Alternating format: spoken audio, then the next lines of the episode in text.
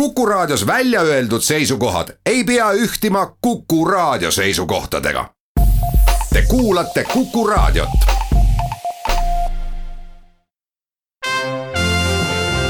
Tallinna Filharmoonia esitleb Filharmooniline huvitaja tere päevast, head kuulajad! täna on Filharmoonilise huvitaja külaline kitarrist, muusikaseadja, helilooja Paul Daniel, tere tulemast! tere! milline neist sõnadest kõige mõnusam kõrvale tundub? noh, ma arvan ikka see viimane, kuigi jah, paberite järgi ma veel ei ole helilooja, aga kuigi ma õpin praegu parajasti just Eesti Muusikaakadeemias tuli selline soov, et nüüd tahan ametlikult heliloojaks saada, et midagi jäi siis siiamaani puudu, kuigi te olete ju väga ammu juba helisid loonud? jah, jäi nagu kripeldama. ma tean, et Jaan Pehk ju õpib ka, tema on minust ees, aga tema õpib Viljandi Kultuuriakadeemias. ma ei tea, kas ma nüüd rääkisin välja midagi nii et siis eh, meie tänase saate teema on ka loomulikult kontsert, mis tuleb järgmisel neljapäeval, kolmekümne esimesel jaanuaril Tough Clubis, kus siis astute üles teie, Paul Daniel, Jaan Pehk ja Ramuel Tafenau. ja Ramuel ka õpib jälle uuesti. aa, et me võimegi öelda, et tuleb selline õpilaste kontsert kas on ka juba mõtteid, mida esitada sellel kontserdil? meil on mõtteid juba varasemast, me tegelikult oleme üles astunud ka varem, mitte küll TAF klubis et meil on äh, ideid ja mõtteid, äh, küll me natukene ootame, et kas seekord ka midagi uut ja mõned mõtted on, eks paistab, kas jõuame need realiseerida. nüüd mul tuleb meelde, selle idee ju käis välja Jazz Liit aasta-poolteist tagasi või millal see oli, ja nemad kirjutasid mulle, et jah, et meil on andmed, et saate Jaan Pehkiga hästi läbi. selline meil tuli, see oli vist mingi a la esimene aprill siis mõtlesin, et appi, et mis ma nüüd vastan, mis kiri. ja ütlesin loomulikult jah, ja siis, et ühesõnaga kõigepealt küsiti minu käest ja siis me saime kokku, kuigi me oleme varem ka lavalaudu jaganud Jaaniga siis ja Raamuliga ka, küll mitte kolmekesi koos. millise esinejana Jaan Pehk teile tundub? no Jaan on selline muhe igas mõttes ja ta võib-olla on harjunud tegema pigem omi asju nagu omaette, nii on talle mugavam. et selle projektiga meil ongi nagu vähemalt tema poolt on ootus, et, et teeks midagi uut et ta ei taha päris nagu neid oma vanu lugusid ainult teha, kuigi neid me teeme ka ja minu arust need on ka kolmekesi tore teha, aga lihtsalt tema tahab ka midagi uut ja põnevat proovida. mis teie jaoks on praegu muusikas uus ja põnev? eks see loominguline pool ongi põnev ja, ja keerulisem ka, et palju lihtsam võtta kellegi lugu, kas siis seada kuidagi, aga nagu päris ise teha, et et, seda publik ka sooviks kuulata, et see on nagu hoopis teine asi. aga et kui sellise asjaga saaks nii-öelda hakkama, siis on küll noh, ütleme selle nimel tasub tööd teha.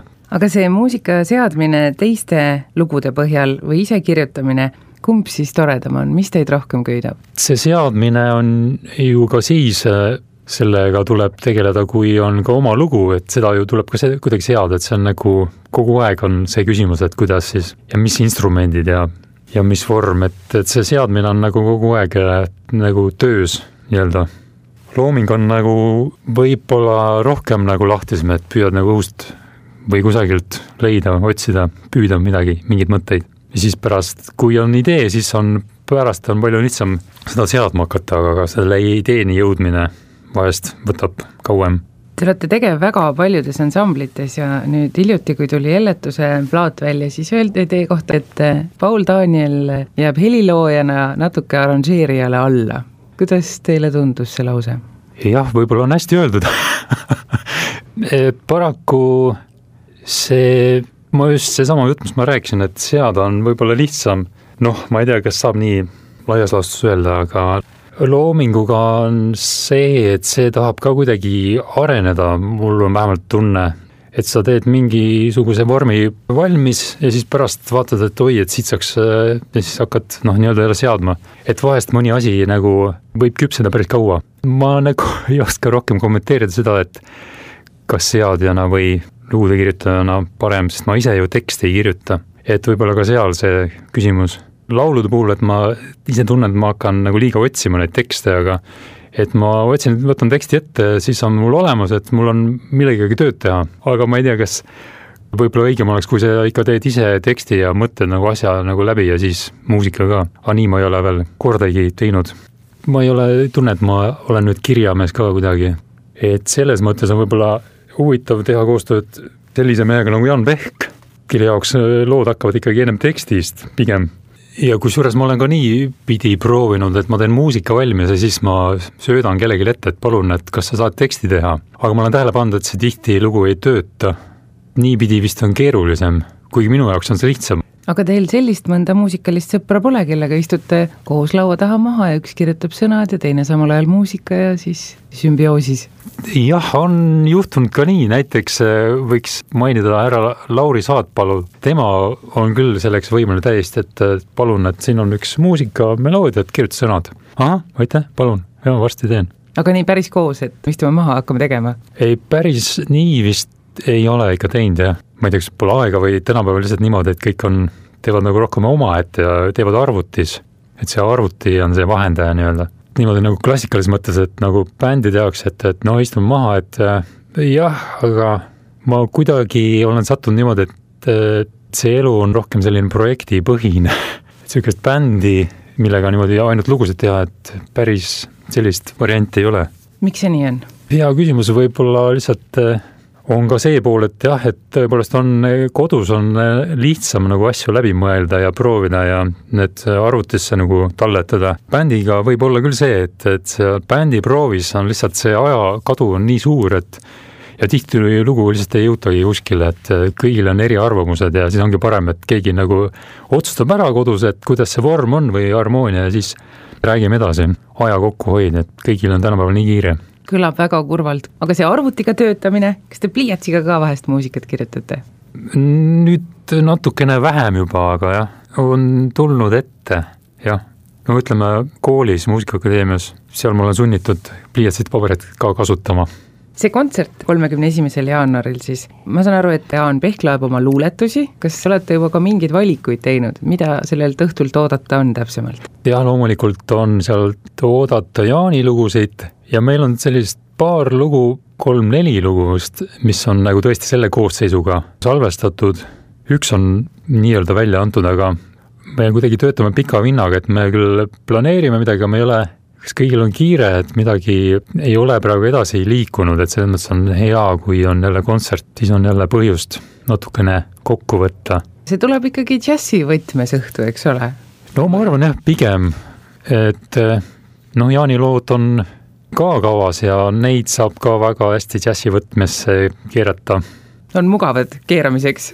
jaa, muidugi, nad on ju lihtsad mida te ise ootate sellelt kontsertilt, kas te üldse veel ootate kontserte, te olete nagu nii vana kala, et see on lihtsalt selline noh, reatöö, et üks kontsert siin, teine seal, või te veel ootate ka kontserte, pakub see midagi? ma arvan, sellega on nii, et kui sa ikkagi pead eh, nii-öelda oma lugu esitama, siis see on ikka hoopis teine ootus. et see isegi kerge värin tekib sisse. et ma arvan, Jaan Pehk on rohkem selle harjunud nii-öelda, aga mina kui kitarrist, ma tihti ikka esitan muud muusikat pigem. aga oma loomingut teha, siis sa tunned kohe teistmoodi vastutust, oi, et ma pean nüüd ikkagi või mis ma nüüd tahan sellega öelda või on see nüüd piisavalt hea, kas keegi soovib seda kuulata või hakkavad kohe küsimused tekkima, et mida teiste projektide puhul ei pruugi tekkida Tough Club, milline koht see kontserdiks on, kuidas teile meeldib seal? Tough Club, ma arvan, see on ainulaadne, et džässklubi elus hoida, tundub täiesti uskumatu. Ja see võimalus, et sa kusagil saad kontserti anda, sa saad selle eest honorari, see on suur pluss, ma arvan.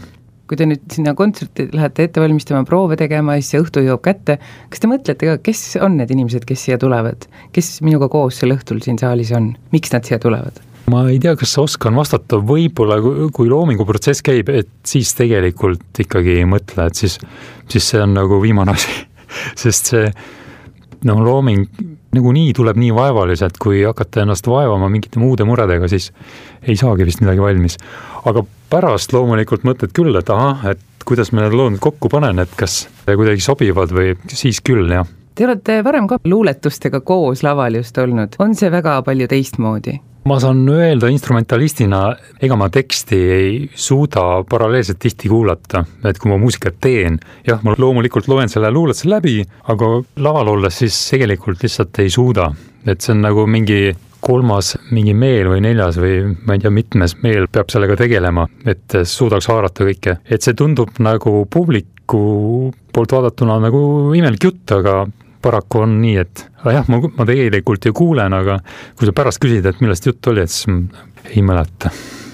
et see on selline aus ülestunnistus, alati see ei pruugi nii olla, aga võib juhtuda küll, et ei pane teksti tähele no ju need on ikka siis mingid alateadlikud niidid, mis tegelikult haaravad teksti, aga võib... jah, ma ise loojana või noh, muusikaloojana mulle tundub küll, et, et kui muusika iseenesest töötab, et siis, siis on ükskõik põhimõtteliselt, mis tekst seal peal on.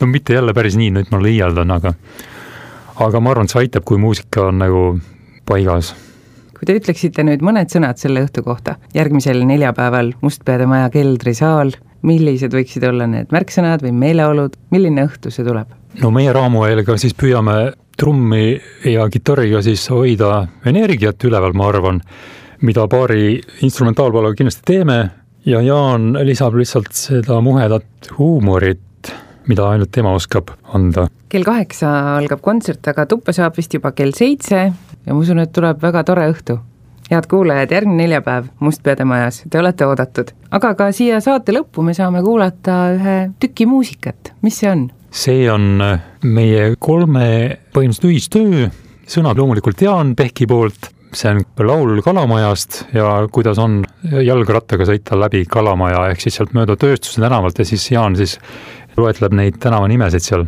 lugu Kalamajast suur aitäh, kitarrist, arranžeerija Paul Daniel, ma soovin kõike head. aitäh. head päeva jätku.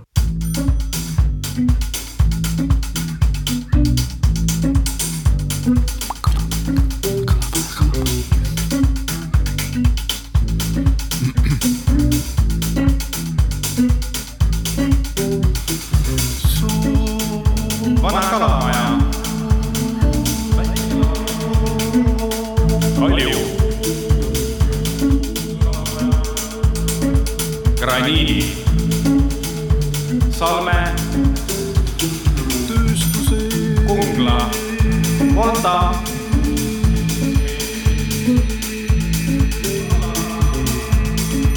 Erika.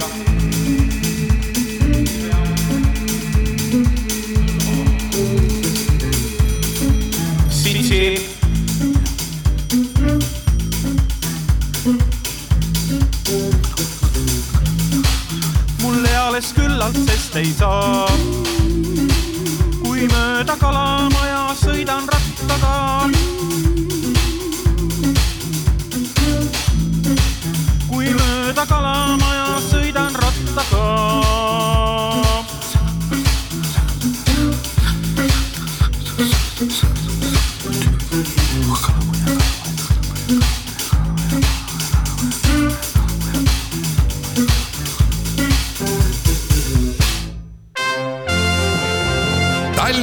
Filharmoonia esitleb.